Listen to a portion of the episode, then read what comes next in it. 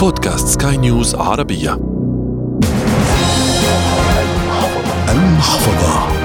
المحفظة أهلا بكم. الذهب. كلمة ارتبطت عند النساء بالزينة وإكسسوارات الجمال. وأيضا الذهب إشارة على امتلاك المال. فعند رؤية إحداهن وهي تتزين بالذهب يخطر بالبال أنها ثرية. وأيضا لا يقتصر الأمر على النساء فكثيرون من الرجال يكون الذهب أحد الإكسسوارات التي يهتمون بها. لكن من ناحية أخرى كثيرون يجمدون أموالهم ويستثمرون بالذهب. وهذا ما سنتناوله في حلقة اليوم من المحفظة والتي تأتيكم عبر منصة بودكاست سكاي نيوز عربية على أبل وجوجل وسبوتيفاي. معي أنا أحمد الآغا. الملاذ الآمن أو المعدن الأصفر الذهب. طوق النجاة عند الأزمات المالية. متذبذب السعر لكن بفروقات لا تكسر الظهر. أو تضطر صاحبها ليعلن إفلاسه. الذهب هو ملاذ آمن منذ القدم.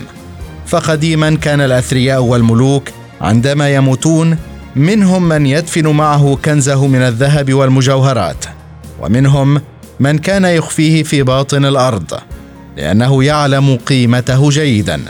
فمنذ القدم استعملها الإنسان في أمور شتى تاجر بها واستخدمها للزينة وكانت قرشه الأصفر في اليوم الأسود.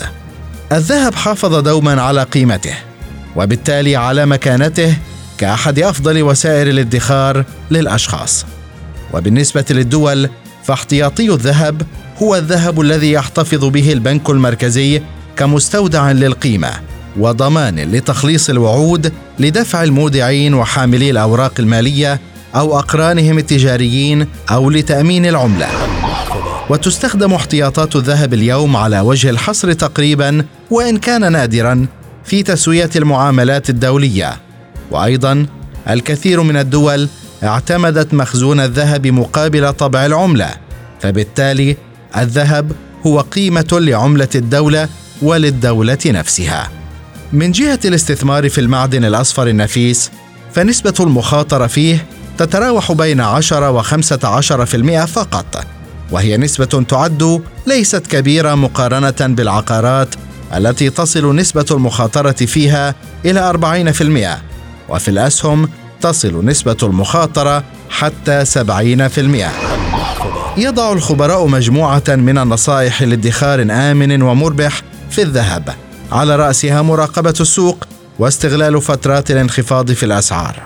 أما الوجه الأفضل للاستثمار في الذهب فهي السبائك أو الدينار الذهبي أو الليرة الذهبية حتى تسمى بالجنيه الذهبي فارتباط الاسم بالعملة المحلية نظرا للثقة التي وجدها من ادخر بالذهب. فالاستثمار فيها يعد آمنا لأنها من الذهب الخالص الذي لا يخسر بسبب وجود مصنعية فيه والتي يفرضها التجار على الحلي والمجوهرات والتي تكون مربحة فقط للصائغ. ولن تفيد المشتري بل ستخسره بعض القيمة بالتأكيد عندما يقرر بيع الذهب. أيضا ينصح الخبراء باقتناء العيارات التي تحافظ على قيمتها السوقية. وتعد العيارات من 18 إلى 24 من أفضل العيارات لأنها تتميز بارتفاع نسبة الذهب مقارنة بباقي المعادن كالنحاس الذي يخلط مع الأصفر البراق لجعله أكثر صلابة.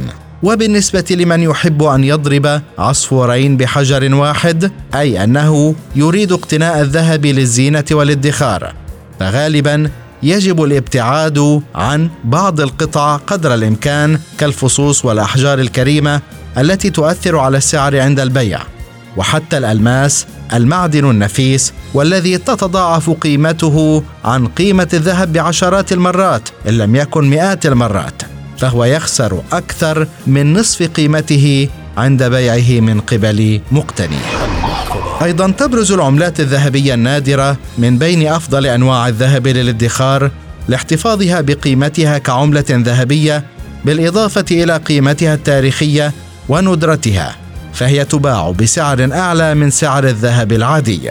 يستعيد الذهب مكانته بسرعة حتى وإن تراجعت أسعاره كما أنه لا يتأثر بشكل كبير بالأزمات الاقتصادية بل من الممكن أن يكون سندا حقيقيا في الأزمات في حال هوات العملات وتزلزل الاقتصاد. فمن هنا جاء اسمه الملاذ الآمن.